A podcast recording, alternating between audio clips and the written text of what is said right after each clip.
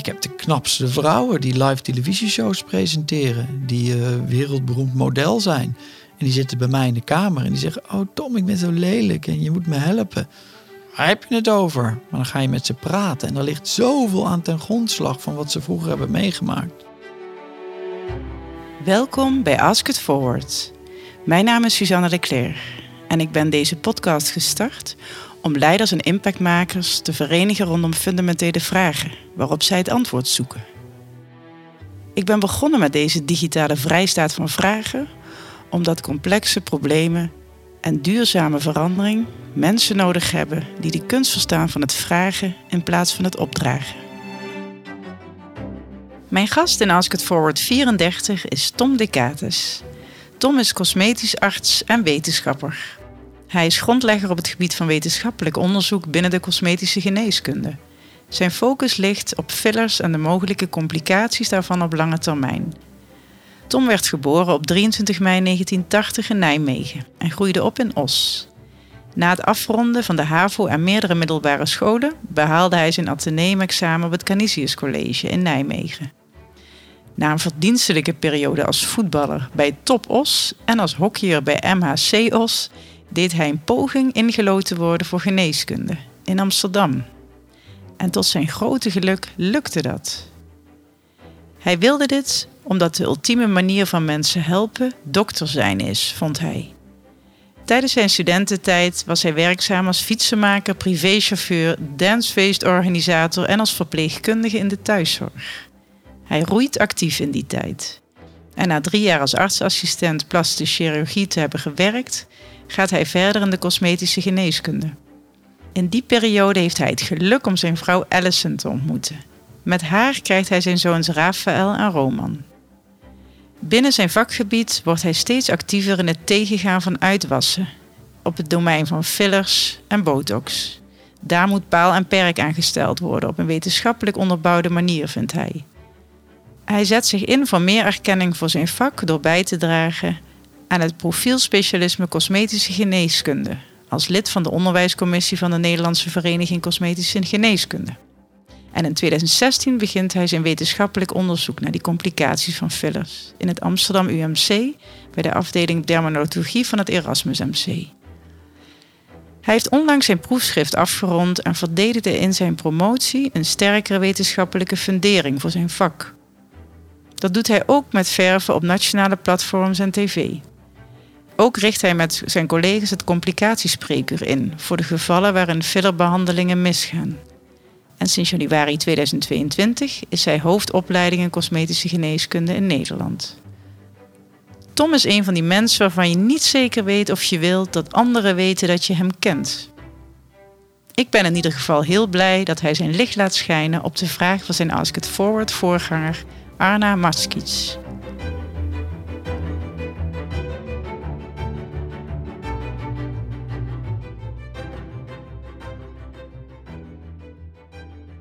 Zo, welkom Tom. Tom Decatus, mijn nieuwe gast in Ask It Forward. Dankjewel. Nou Tom, je hebt een uh, bijzondere vraag gekregen. Een vraag van Arna Maskic. Maar mijn vraag is, welk onderliggend uh, verlangen is er bij jongvolwassenen die cosmetisch uh, willen ingrijpen? Waarom wil je dat weten? Nou, omdat ik denk dat er uh, achter die behoefte, vooral bij, bij echt jonge mensen, achter die behoefte van dus iets aan jezelf willen veranderen, dat daar ook echt een ander onderliggend verlangen of behoefte is. Die groter is dan, of misschien wat dieper gaat dan alleen iets uh, opvullen of iets aan je ja, gezicht of lichaam veranderen. Ik denk dat het ook over um, ja, andere verlangens of, of misschien wel behoeftes of vragen gaat.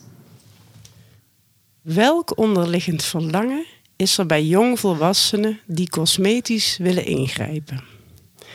Nou, en als ik het voorwoord gaan we dat eens even onderzoeken, een hele podcast lang. En jij hebt mij twee kunstwerken gestuurd: een oldschool beeld en een nou, hedendaagse variant. Zullen we daar samen eens naar kijken? Yes. Vertel eens, wat zien we hier? Eh, we zien nu de new school variant en hier de old school variant van eh, de Venus van Milo. En eh, de Venus van Milo is eh, sinds haar bestaan eigenlijk al een teken van schoonheid. En eh, mijn vak, eh, de cosmetische geneeskunde, die gaat daar grotendeels over. En met het veranderen van de tijdsgeest verandert ook de kijk naar de Venus van Milo. Dus heden ten dagen wordt er zoiets gemaakt als een non-fungible token, een NFT. En dat is voortgekomen uit het feit dat jongeren heden ten dagen alleen maar met hun eh, mobiele telefoon bezig zijn. Dus ehm, ze praten minder met elkaar, ze lezen minder boeken. Ze zitten alleen maar op die eh, verdomde telefoon te kijken. En ehm, op die manier eh, zal er waarschijnlijk ook in de toekomst naar kunst gekeken worden. Dus ik ga met mijn kinderen naar het Rijksmuseum. Maar ik vraag me af of het Rijksmuseum in de toekomst nog zal, wel, zal blijven bestaan. Want ik verwacht dat er eh, een kleine groep mensen dat leuk vindt. Maar de rest zit gewoon eh, te kijken naar het scherm. En zal uiteindelijk eh, in, ja, in een andere wereld, in de metaverse, met elkaar communiceren en met elkaar kijken. Dat is wel een aftrap. Had je die zien aankomen of niet? Nee, maar goed, ik ken je langer dan vandaag. Oké, dus je laat ons een old school en een new school beeld zien van de Milo van Venus. Wat vind je van dat old school beeld? Ja, prachtig. Ik, ik vind beide prachtig. Ik vind het oldschool beeld en, en, en het new school beeld vind ik prachtig. Het is gewoon hetzelfde. Alleen het ene kan je aanraken en het andere kan je alleen maar naar kijken. En ik heb zelf een prachtig eh koper afgietsel van de Venus van Milo bij mij thuis staan. Maar nu heb ik op mijn telefoon dus ook de new school, de non-fungible token, de NFT van diezelfde Venus van Milo heb ik thuis. Oh ja. Maar dan op mijn eh, telefoon.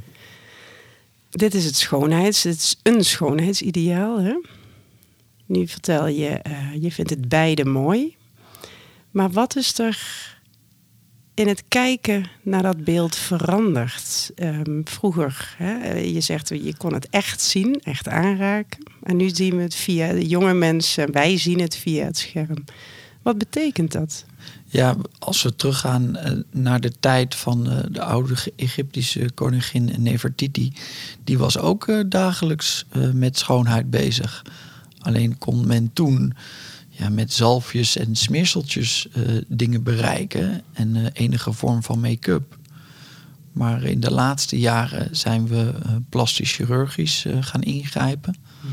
Dus eh, zijn we gaan snijden. En dat is doorgetrokken naar heden ten dagen botox en fillers.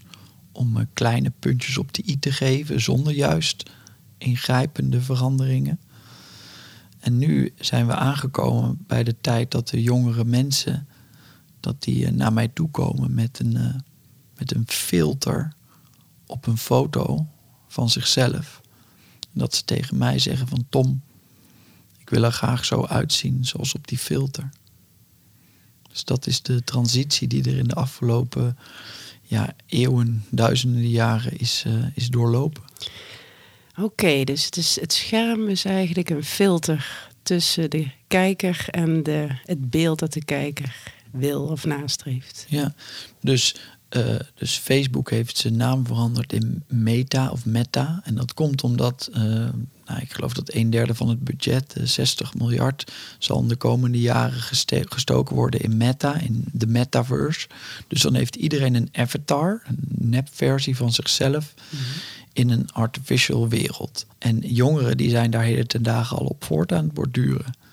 Dus die hebben hoe zeg ik dat netjes, soms een wat irreëlere beeld van de werkelijkheid. En die komen dus met eh, filters over hun eigen foto's naar mij toe en zeggen ze: Tom, ik wil graag lijken op mijzelf, maar dan met een filter eroverheen. Dat is interessant, hè? Dan zeg je een irreëel beeld van de werkelijkheid. Maar dit is dus een werkelijkheid waarin die jongeren leven. Hè?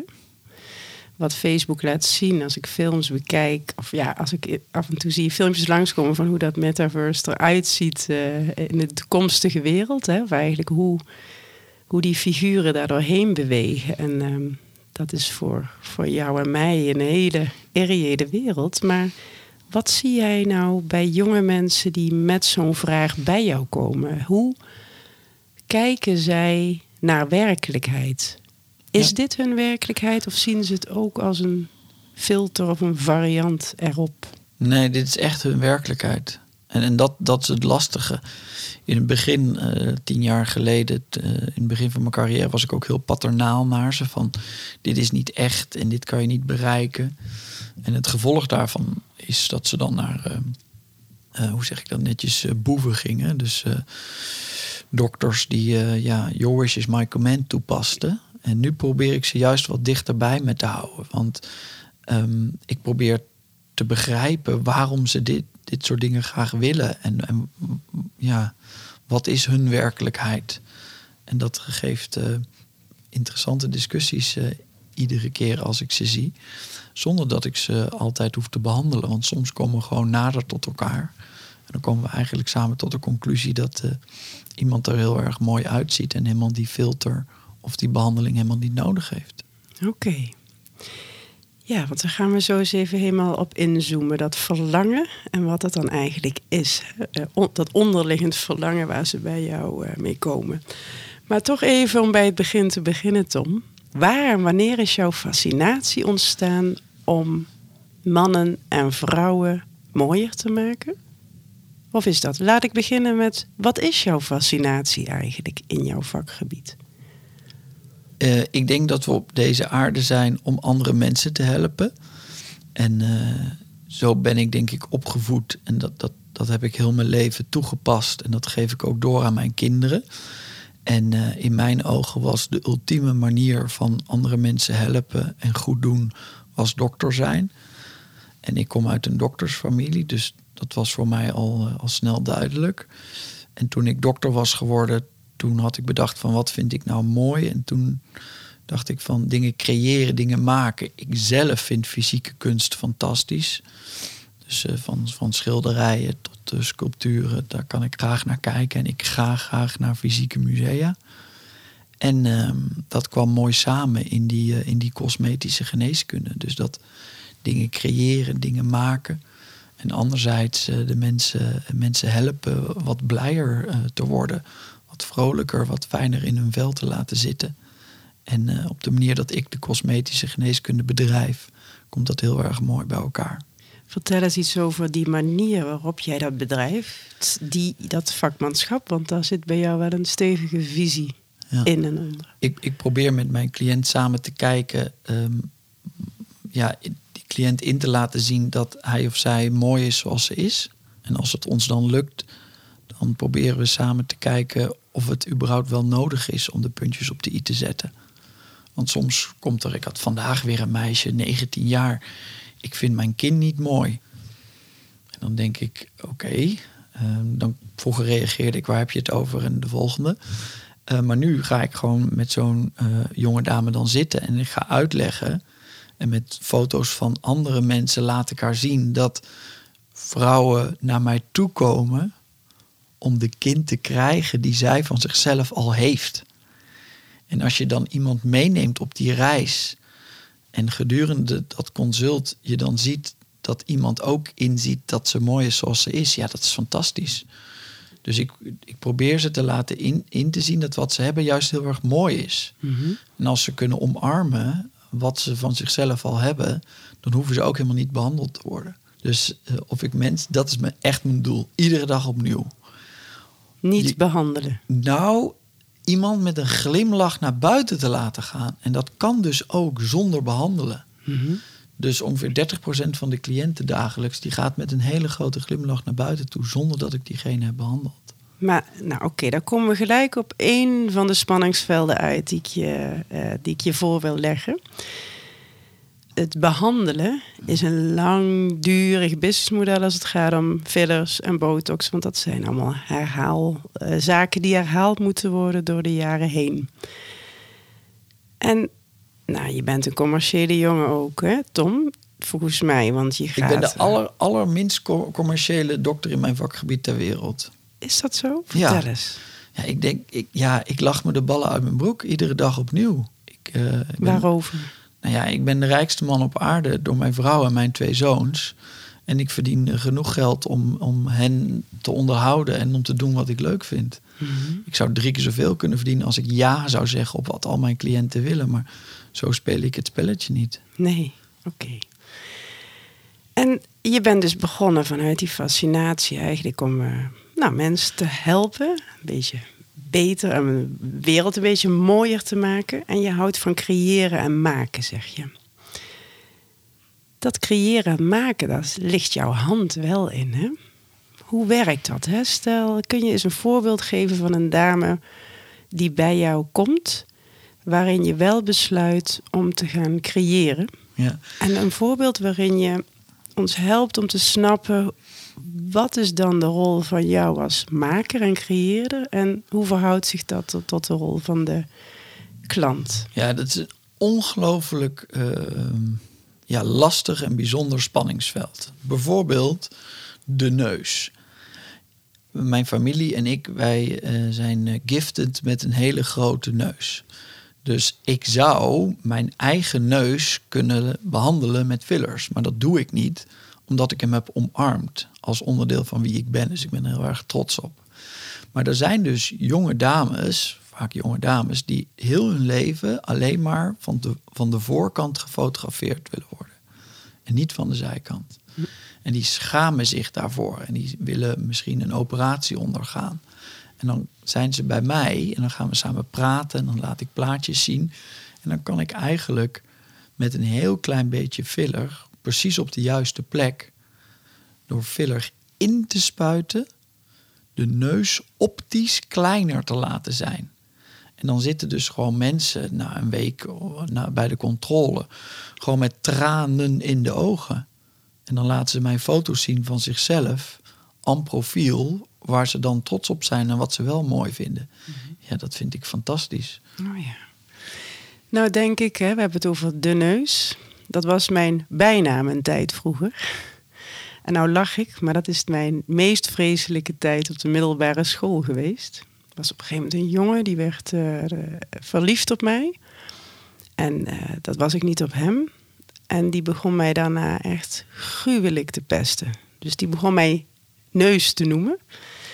En dat heeft maanden geduurd. Verschrikkelijk was dat. Um, dus ik, heb, uh, ik ben zo'n jonge uh, dame geweest die heeft gezworen dat zodra ik de middelen had, ik die neus zou willen verkleinen. En ja, het proces door dat pesten heen, dat is uh, eigenlijk zo gegaan dat ik op een bepaalde dag um, ergens in mijzelf de kracht vond om met opgeheven hoofd langs hem met zijn groep te lopen. En van op de een op de andere dag is het opgehouden. Dus dat had met een soort innerlijke groei te maken na maanden ellende, die mij gesterkt heeft. Um, ik had dat graag willen missen, die periode, maar misschien ook weer niet, omdat het me gevormd heeft. Als ik jou op die leeftijd was tegengekomen en ik had het, je had mij geholpen van buitenaf, zullen we maar zeggen, had ik dat niet door kunnen maken. Kijk jij daarnaar? Wanneer weet je of een jong iemand ergens doorheen zou moeten bewegen of niet? Of is het jouw taak niet om dat te bedenken? Nou ja, een paar dingen over uh, wat je toen hebt meegemaakt. Mijn primaire reactie is, was hij geliefd, dat nekt zich. Mm -hmm.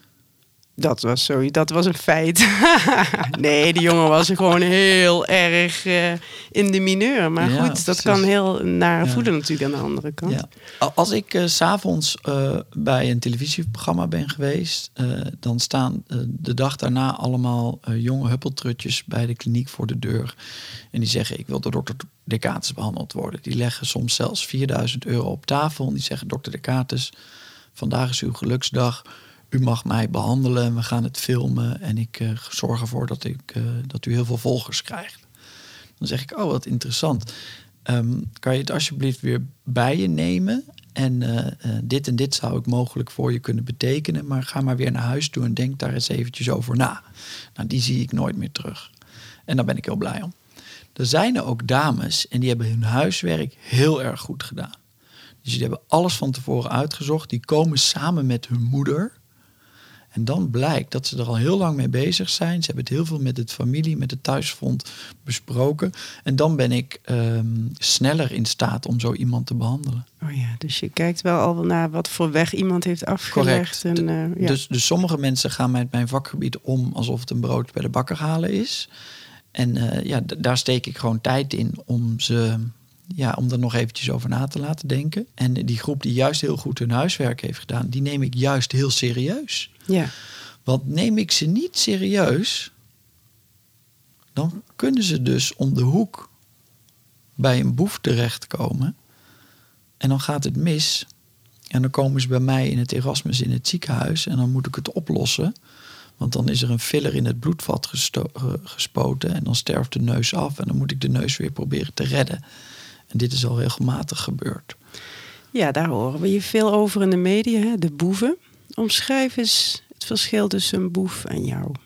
Ehm, iemand die een, een heel lage prijs vraagt. Dus je moet dan als consument al meteen denken: hoe kan het nou dat die prijs zo laag is? Nou ja, if it's too good to be true, it probably is. Dus dat is één. Twee, kan je zien of iemand een gecertificeerd cosmetische arts is, ja of nee. Dus we hebben in Nederland als eerste en enige land ter wereld dat cosmetisch arts een erkend medisch profielspecialisme is. Dus je kunt in Nederland huisarts worden, plastisch chirurg, maar ook cosmetisch arts. Dus is iemand ervoor opgeleid en wat is eh, de prijs? Dat zijn twee hele belangrijke rode vlaggen. Want eh, waarom is prijs belangrijk? Kost het materiaal dat je gebruikt Correct? geld? Dus, ja, Veel ja, meer geld ja, dan je met ja, een ja. goedkope spelletje zou kunnen. Ehm, ja, dat is, dat is hetzelfde als eh, ja, eh, als je, weet ik veel, Parijs-Dakar wil gaan rijden eh, met een deux chevaux, dan is de kans dat je dat niet lukt. Maar als je dat met een Toyota doet die er helemaal op ingesteld wordt, dan is die kans groter. Dus nou wijs je naar het materiaal, de, eigenlijk de materiaalkosten zou je kunnen zeggen, en Correct. de prijs. Ja. Ik denk dat er een heel groot deel van de kwaliteit van het vakgebied ook te maken heeft met precies dat wat je doet in, het, in de dialoog eigenlijk met de klant. Hè? Hoe filter je wanneer je... hoe Ja, maar, dat? maar dat is dus een gedeelte van de opleiding. Dus als je in Nederland opgeleid bent tot cosmetisch arts, is er gewoon een onderdeel van je vak is consultvoering. Ja, Maar ik, ik, ik, ik organiseer dat, eh, dat zelf. Per 1 januari 2022 ben ik ook hoofdopleidingen van de cosmetische geneeskunde in Nederland. mooi. Ja, dat is een liaisonfunctie tussen de, de overheid eh, en onze vakgroep. Mhm. Ehm, eh, nou ja, kijk, hoe, hoe het werkt is dat ehm, als je ehm, die opleiding doet tot cosmetisch arts, dan komen dus mensen consultvoering geven als onderwijs. Maar een van de sprekers is ook altijd een psychiater waar wij mee samenwerken. Vijf tot 10 procent van de cliënten die voor een cosmetische behandeling komt, die heeft body dysmorphic disorder. Dat is een psychiatrische aandoening waarbij het nooit genoeg is. Michael Jackson had dat bijvoorbeeld. En je kan dat zien als een soort eh, anorexie, maar dan van het gelaat. Het is nooit genoeg. Maar door consultvoering vragen kan je er inderdaad achter komen van heeft iemand een heel irreëel zelfbeeld en moet misschien iemand gaan praten met een psychiater of moet zo iemand eh, behandeld worden? Want er zijn dus ook boeven eh, die ook wel doorhebben dat er iets niet klopt, maar die denken ja, als diegene nou de hele tijd bij mij terug blijft komen, is dat financieel heel erg interessant voor mij. En die blijven maar behandelen en die blijven maar behandelen. Hm. Oké. Dat is heel verdrietig. Oké, interessant. Ik wil zo graag eens even op die morele kant nog wat dieper ingaan. De vraag van Arna is: welk onderliggend verlangen is er bij jongvolwassenen? Kun je me eens vertellen? Als je nou, nou, ja, heb je enig idee hoeveel jongvolwassenen jij jaarlijks ontmoet in jouw praktijk? Heb je daar, kun Ja. je dat in cijfers uitdrukken? Ja, ja dus, dus twee maanden geleden eh, eh, ben ik als eerste ter wereld op dit onderwerp eh, gepromoveerd. Dus Ja. op, eh, op, op ja, eigenlijk het eerste keer fundamenteel wetenschappelijk onderzoek naar, eh, naar fillers en wat doet dat nou in het lichaam. En daar hebben we inderdaad gekeken naar de ja, toch wel schrikbarende toename van jongeren. Iedereen die roept dat en die denkt, oeh, ik zie zoveel jonge mensen op straat. Nou ja, we hebben dat gewoon in kaart gebracht. En dan zien we jaarlijks dat er 5 tot 8 procent toename is van jongvolwassenen op ons spreekuur. Oh ja. Dus het percentage cliënten dat jongvolwassen is, dat neemt gewoon jaarlijks toe. Ja, en hoeveel, om hoeveel mensen per jaar hebben we het dan eh, in een bepaalde leeftijdsgroep? De jongeren, bijvoorbeeld tot 18? O- o- o- 100.000, Oh ja, ja. En dat groeit met 5 tot 8 procent per jaar. correct. Goed, en kun je eens iets vertellen over wat jij ziet, zowel vanuit je onderzoek, hè? want daar gaan we het zo nog iets uitgebreider over hebben, maar wat kun jij nou zien als het gaat om dat verlangen? Schuift daar iets in? Wat is dat onderling, het verlangen, collectief gezien? Wat neem jij waar? Ja, zoals met alles, eh, ergens bij willen horen. Dus Ja? ze kunnen laten zien dat ook jij je lippen hebt laten doen, of je jukbeenderen, of je kin, of je kaaklijn. Is het, is het iets dat eh, op zichzelf iets is wat jonge mensen ook willen delen? Ik, oh, ik, of heb je het over. Even terug naar dat scherm. Hè? Je hebt het over men- mensen komen, eh, jonge vrouwen, als het ook mannen zijn, komen bij jou en laten dan een beeld zien wat gefilterd is op hun scherm. Is het verlangen, heeft het te maken met aan dat beeld willen voldoen? Of gaat het ook echt over meedoen op de eh, eh, interventie zelf van een ingreep hebben laten doen? aan dat beeld voldoen, Ja.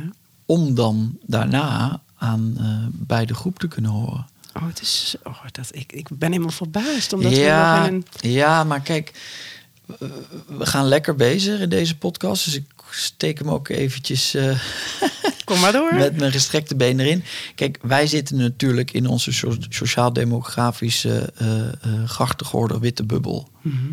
Nou, ik zit hier op de boerderij hoor, maar ik snap heel goed wat je bedoelt. Maar het ja. zijn so- sociaal-demografische andere klassen... waarbij uiterlijk het allerbelangrijkste is. M- minder belangrijk dan eten. Ja. Minder belangrijk dan huisvesting. Dat zie je in heel veel landen in de wereld, zie je dat. Maar wij zijn als Calvinistische Nederlands dat helemaal niet gewend. Dus waar ik ook zit, of in welk programma waar ik ook zit, ik vertel steeds hetzelfde verhaal. En het is altijd oe en a. Maar dat komt omdat het gewoon allemaal witte, hoogopgeleide bubbels zijn. Maar je zegt minder belangrijk, of bedoel je dat? eh, wat eh, hebben. De- dus uiterlijk is. be- Dus mensen zijn be- bereid om minder te eten, Ja, minder mooi te wonen en, en veel geld aan uiterlijk uit te geven. Ja. Kijk, ehm, al- als er een internationale collega, eh, als ik die uitnodig voor een congres in Nederland en hij geeft een lezing in Nederland en dan kijkt hij op de eerste rij en dan is, is de anekdote die ik dan vertel dat hij dan kijkt in die zaal en dan zegt hij, oh yes, I'm in the Netherlands. The most undertreated population in the world. Oftewel, wij zijn lelijk en onverzorgd. Overal ter wereld wordt er ongelooflijk veel geld uitgegeven aan uiterlijk vertoon en aan kleding en aan make-up en aan botox en fillers. In Nederland is dat gewoon nog niet normaal, thank God. Kun je eens iets nader eh, ingaan op dat verschil eh, in sociaal-economische klassen? Wat zien jullie aan tendensen dan? Ja, dat is natuurlijk lastig om dat zo aan te raken, maar ik ben er zelf over begonnen. Kijk, eh, bijvoorbeeld Antilliaanse vrouwen vinden het belangrijk om een grote bil te hebben. Dus als jij geen grote bil hebt, ben je niet mooi. Ja, dat, dat is. Dus dan, ga je, dus dan ga je Hm. drie hoog achter peursruim van de gamma laten inspuiten op een eh, keukentafel. Hm. En dan denk je achteraf, dat is misschien niet zo slim geweest. Maar eh, je wilde graag een grotere bil. Mhm. En eh, 150 euro kon je betalen. En als je het bij een plastisch chirurg laat doen met eigen li- lichaams-eigen vet... dan kost het eh, 5000 euro. En waar denk jij nou dat. Nou, laten we even gewoon gaan. In welke jaren studeerde jij ge- geneeskunde? Ehm, van eh, 2000 tot 2008. Oh ja. En wat heb jij nou in die tijd zien veranderen? Hè? Je hebt het net over nou, het scherm. ehm, Toen, maar- toen heb ik helemaal niks zien veranderen. ja, maar tot nu, wat zie jij in de wereld en in de vraag die naar jou toe komt veranderen? Als het Nou. gaat om dat verlangen. Nou, omdat ik eh, sinds ik in die cosmetische geneeskunde terecht ben gekomen, dus ongeveer vanaf 2008, ben ik me er verder in gaan verdiepen.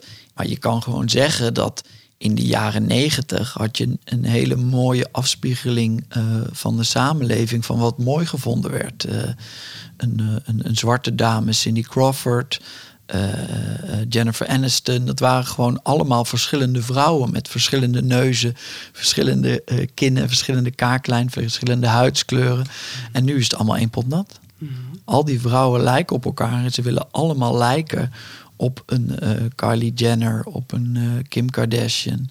Dus allemaal hele grote billen, hele grote borsten, hele grote lippen, hele grote kinnen, hele grote kaaklijn, hele grote jukbeenderen. Ja.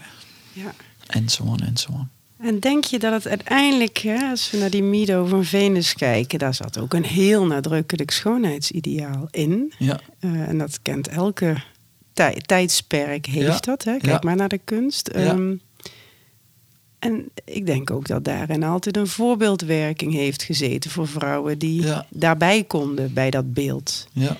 Eh, Is het de relatie tussen social, tussen ja, gewoon onze toegang tot beelden en de mogelijkheid om daaraan te sleutelen, zeg maar, in de telefoon, is dat wat een grote veroorzaker is? Of denk je dat er een dieper liggend probleem aan de hand is in de mens zelf, ook los van die beelden die tot ons komen? Ja, nou, kijk, eh, de cosmetische geneeskunde bestaat nu 20, 25 jaar. Dus ehm, wij doen nog veel meer wetenschappelijk onderzoek. Wat ik nu als mijn mening kan geven. Wat, we, wat ik ook weet, empirisch van wat cliënten mij teruggeven, is dus enerzijds de social media. Dus wat ze zien bij andere mensen, dat willen ze ook. Het is allemaal nu veel toegankelijker. Eh, vroeger was alleen voor rijke mensen een facelift eh, weggelegd. En nu kan je dus op iedere hoek van de straat, bij iedere boef, een eh, kwalitatief slechte filler door een kwalitatief slechte dokter laten inspuiten. Maar daarnaast is er dus ook nog iets anders aan de hand. Wat dus niet mijn mening is. En ik heb het ook nog niet wetenschappelijk bewezen, maar ik krijg het regelmatig terug. Dat er soms nog eh, ja, op een ouderwetse manier gekeken wordt naar het vrouw zijn. Dus, dus een moeder zegt tegen een dochter: zorg dat je er goed uitziet. Zodat je een eh, knappe, rijke man aan de haak kan slaan. Zodat je zelf niet hoeft te werken en voor de kinderen kan zorgen. Oh ja. Ik vind het dus heel interessant inderdaad de relatie tussen moeder en dochter. Ik heb, ik heb drie dochters, hè, dus ik zit meteen te denken wat Heb ik hier te maken met de rijkste vrouw op aarde? sowieso, sowieso. Oh ja. en in het, ehm, nou ja, dat, dus ik zie daar dus drie meiden die ook heel veel beelden tot zich nemen. En daar ongeveer alle drie min of meer hetzelfde uitzien. Dus ik heb gewoon in mijn gezin, zie ik dat de manier waarop zij zich kleden, hun haar, nu, hè, ze zitten in de puberleeftijd, eh, zit daar heel veel onderlinge inspiratie in, noem ik het maar. En ehm, ik vind het heel mooi om te zien hoe bewust ze bezig zijn met hun uiterlijk. Maar ik zie daar wel de ontzettende blik op de ander, hè, op de mooie vrouwen buiten zichzelf. En ook hoezeer, ehm, ja, hoeveel inspiratie daar vanda- vanuit gaat. Dus ik vind het best spannend waar mijn dochters heen zullen bewegen. En Ja. ergens wil ik het liefst niet dat ze bij jou in de kamer Nee, komen. maar kijk, ik kan daar ook gewoon weer lekker met gestrekt been een paar dingen over zeggen. Kijk, jij en ik, eh, hoe zeg ik dit ook weer netjes? Kijk, wij zijn heel rijk, dat is één. Dus we, we, ja, we hebben al zoveel voorsprong. Maar het allerbelangrijkste, wij zijn in staat onze kinderen heel veel liefde te geven. Dus doordat wij onze kinderen heel veel liefde geven en met ze knuffelen en ervoor ze zijn, hebben ze al zoveel meer zelfvertrouwen dan gezinnen uit kwetsbare milieus die eh, de ene kant aan de andere kant eh, van de kamer geslagen worden en niet te eten eh, krijgen en altijd lelijk gevonden worden. Ik heb de knapste vrouwen die live televisieshows presenteren, die eh, wereldberoemd model zijn. En die zitten bij mij in de kamer en die zeggen: Oh Tom, ik ben zo lelijk en je moet me helpen. Waar heb je het over? Maar dan ga je met ze praten en er ligt zoveel aan ten grondslag van wat ze vroeger hebben meegemaakt. Dus jouw dochters hebben al zo'n grote voorsprong, net zoals mijn, mijn zoons. Alleen maar knuffelen en lief zijn. Ze stijgen vanzelf op. Ja, oké. En dat is niet onderzocht, denk ik nog. Hè? De, sociale, de sociale dynamiek voor de vraag om te komen naar jou. Nou ja, kijk, Wat- ik heb het nu eh, met een groep mensen, zijn we de expertisegroep cosmetische ingrepen begonnen. Daar zitten filosoof, socioloog, eh, gedragswetenschapper, eh, iemand uit, ehm, uit het vakgebied, een plaschirurg en een dermatoloog. En wij zitten bij elkaar samen en wij gaan kwalitatief wetenschappelijk onderzoek doen naar de beweegredenen. Waarom kiezen jongeren hiervoor? Ook gewoon nog nooit onderzocht. Maar wij zullen dat in kaart gaan brengen. En wat ik nu op die beweegreden, die onderliggende gedachten allemaal aan je heb verteld, is allemaal empirisch. Dus N is 1, N is 2. Ik heb een paar mensen dit horen zeggen. Dit heeft mij heel erg geraakt. Daarom vertel ik dat hier. Maar inderdaad, ik zou er graag nog heel veel meer onderzoek naar willen gaan doen. Wat we dus ook gaan doen. Hè? Ja, wat goed. En vertel eens, je hebt net dat mooie proefschrift afgerond. Hè? Daar heb je ook eh, nou, je ontzettend hard gemaakt en verdiept een aantal jaren in de lange termijn gevolgen van, van fillers en de complicaties op lange termijn. Ik kan me voorstellen dat dat spanning oplevert ten opzichte van je con-collega's in de branche. Iedere avond als ik op televisie ben eh, bij een televisieprogramma en ik vertel weer jongens pas goed op, doe je huiswerk goed, heb ik de dag daarna eh, boze collega's die zeggen Tom, hebben weer een paar mensen afgebeld. En in het begin werd ik daar wel door geraakt, want ik wil eh, lief gevonden worden, ik wil graag eh, vrienden hebben. Maar nu zeg ik tegenover tegen die mensen, ja, gozer, eh, wees blij. Ze gaan nu goed je, hun huiswerk doen. Dus als ze dadelijk bij jou weer terugkomen, dan ben je blijkbaar iemand die vertrouwen heeft opgewekt. Ze hebben goed hun huiswerk gedaan, dus dan krijg je juist een hele fijne, langdurige relatie.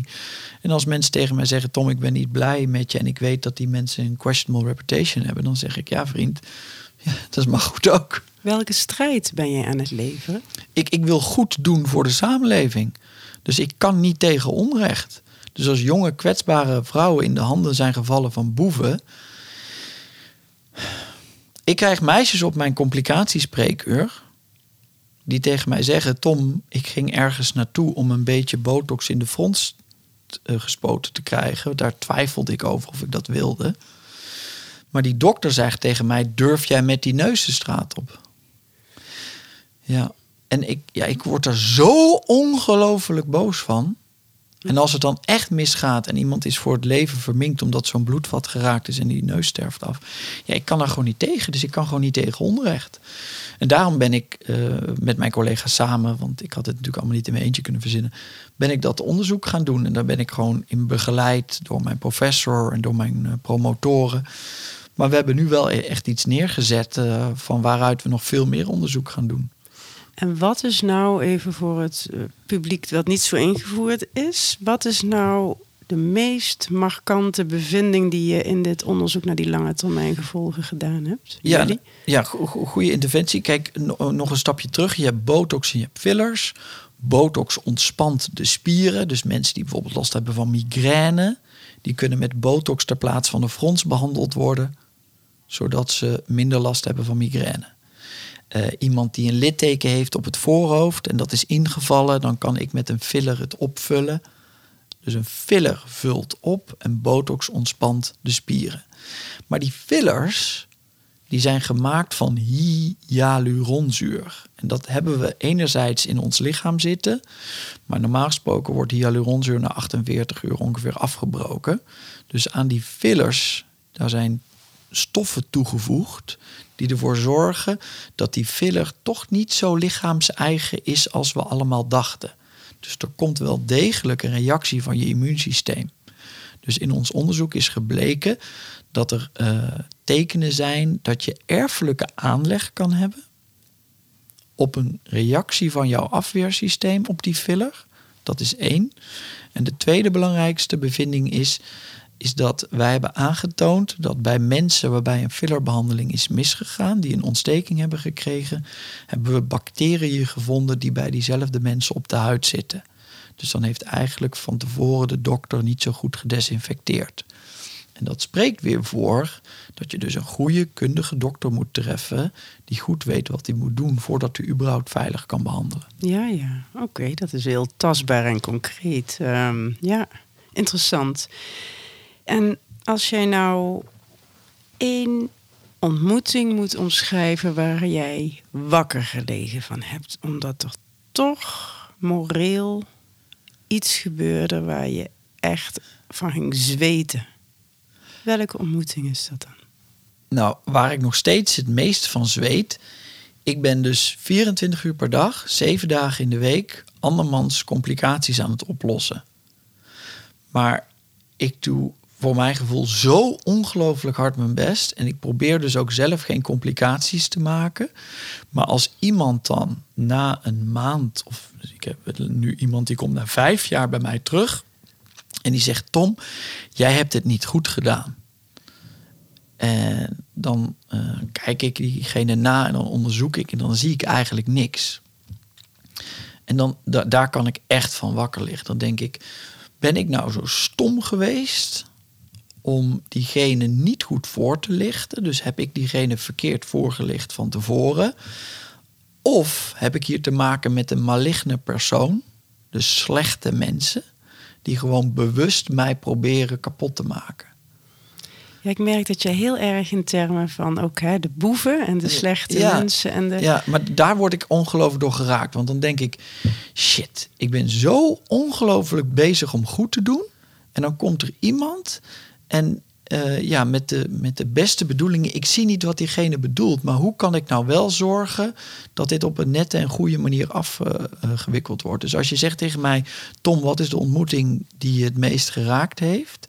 Ja, dat is toevallig een paar maanden geleden was dat. Dat ik dacht, oh, hier lig ik echt wakker van. Ja, daar kan ik echt uh, om huilen, kan ik daarom. Oké, ja, ik, ik voel ook hoe spannend dat is, hoe feilbaar je ook gewoon bent. Want ik denk, ja, je hebt toch ook gewoon niet. Je zal het ook wel eens niet weten. Ondanks dat je vakgebied heel duidelijk is. En hè, je doet onderzoek en als iemand veel weet, ben jij het wel. Maar bijvoorbeeld over dat onderliggend verlangen waar Arna's vraag over gaat. In dat psychologische deel van de mensen in jouw kamer zul jij vaak heel veel niet weten. Dus in die consultachtige rol, hoe weet je dan wanneer je toch met iemand doorgaat? Ja, nee, maar dat of is, hem doorverwijst, hem nee, of haar? Nee, maar dat is dus ook zo. Hè? Dus je moet ook gewoon... Uh, en dat krijg je met ervaring. Ik denk dat je in ieder vakgebied ergens beter in wordt door ervaring. Dus dat je verschillende casus uh, regelmatig uh, tegenkomt. Of je nou, weet ik veel, de slager bent en hoe je je mes moet afstellen tot eh, een politicus van hoe moet je een gesprek voeren of hoe doe je, hoe doe je een interview.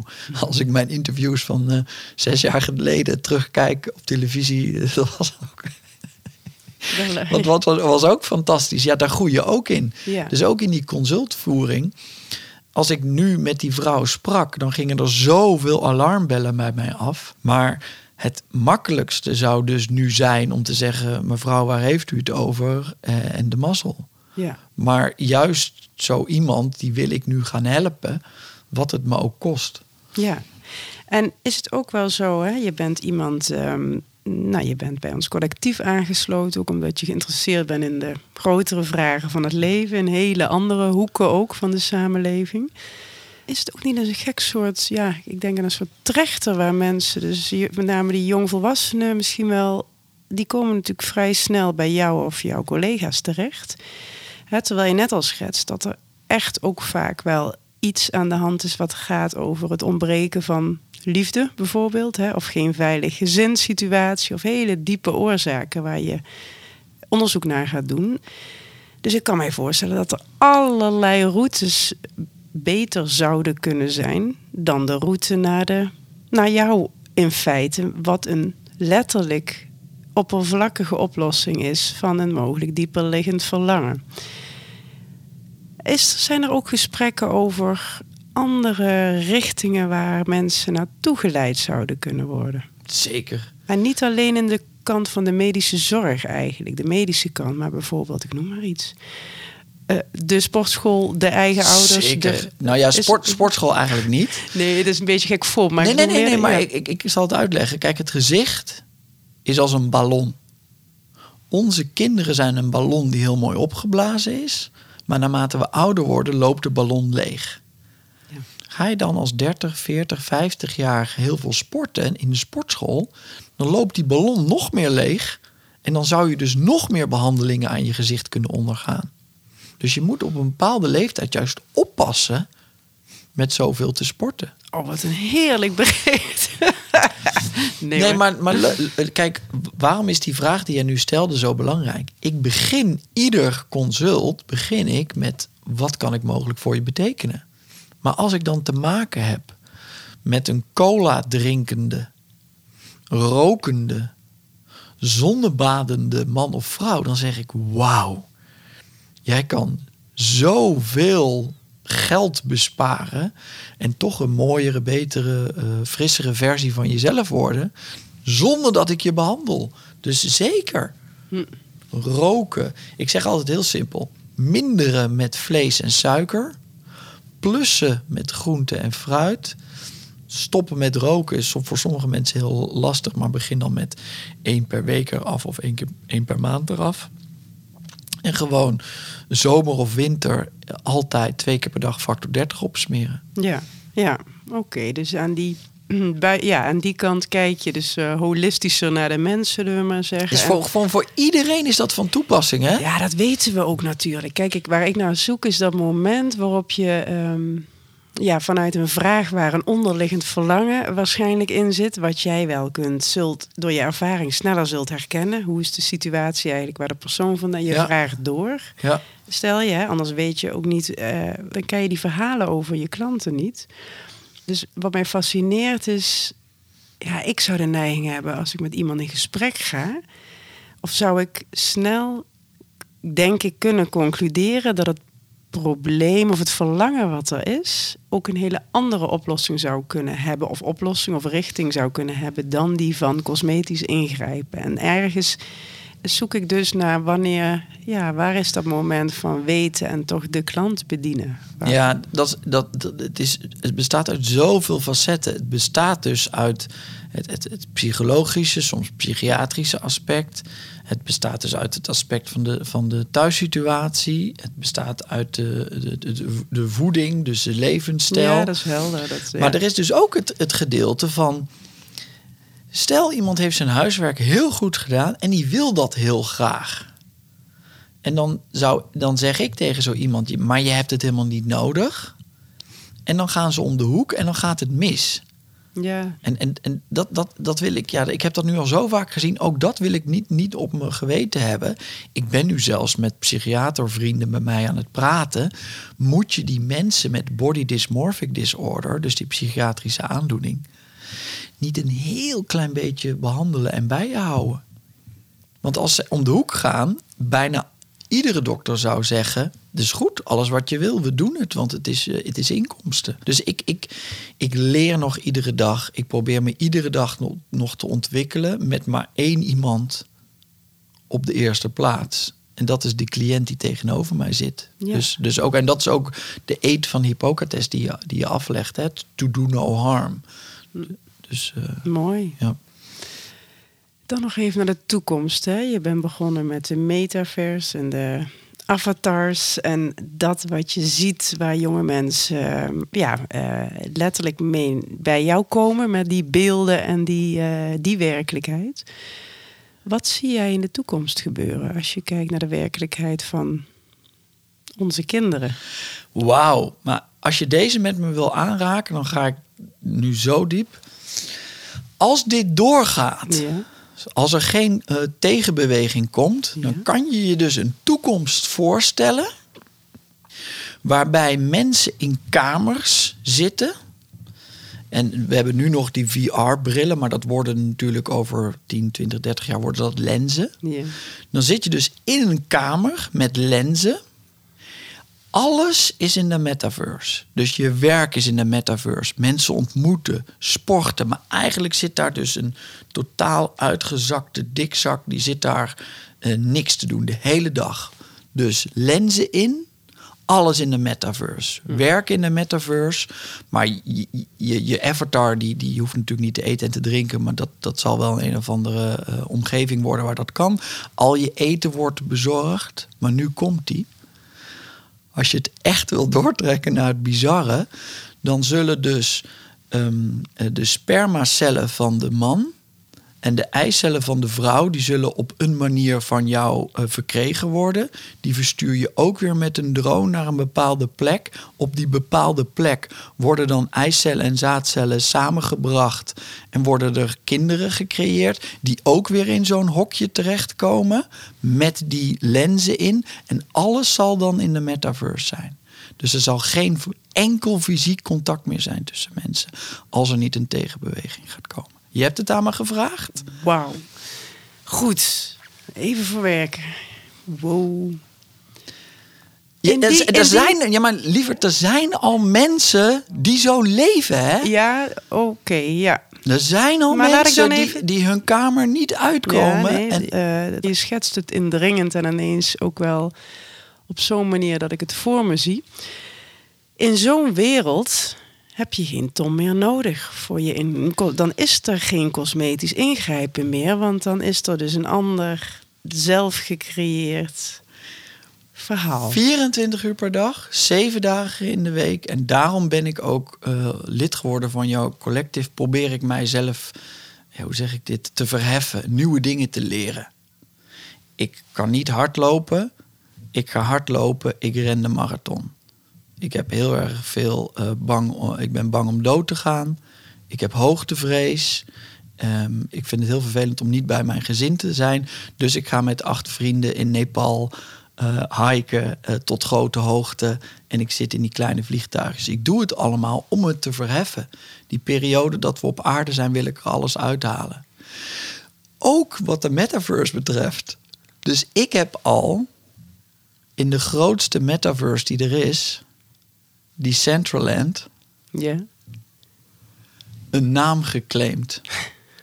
Echt waar? Ja. Daar loopt al een Tom rond. Ja, we gaan heel diep op hele. eh, Maar ik ben hier dus al altijd. Fascinerend, Ja, ik wil altijd alles lezen en weten. Dus ook hier heb ik me al verdiept. Ik heb de naam Beautyland. Wauw. Heb ik al in Decentraland. Wat gebeurt er in Beautyland straks? Ja, dat ik- moeten we nog ontwikkelen. Maar je kan eh, je bedenken dat je dus je avatar hebt. En dat je, eh, je om te beginnen met je avatar eh, ander haar wilt. Maar dat is dan toch iets wat je via je scherm gaat... Ja, maar ja, ja, j- jij bent nog nooit in Decentraland geweest, nee, ik merk geloof dat... Wil je me een keer meenemen? Dat is, we kunnen dadelijk inloggen. Maar je, je kan dus nu al standaard haren kiezen. Ja. Maar jij wilt dadelijk natuurlijk Geen als enige... Dan wil je rood haar met een krul erin. Of je wilt je nagels laten doen. Of iedereen is heel smal. Dan wil je spierballen. Oké. Let it sink in. Ja, ik let het zink in. En dan krijg je dus eigenlijk... Want, want hier, die werkelijkheid die je dus via jonge mensen dagelijks bij jou ziet binnenkomen... daar duik je in, hè? Gebruik je hem ook? Ehm, is het belangrijk voor jou om ook aangesloten te zijn? Of kan me, het is eigenlijk een, een vraag waar je geen ander antwoord dan ja op kan geven. Maar ik bedoel, hoe ver zijn jonge mensen in jouw praktijk in dit denken? De, de meeste jonge eh, mensen in mijn praktijk zijn daar nog niet zo ver in.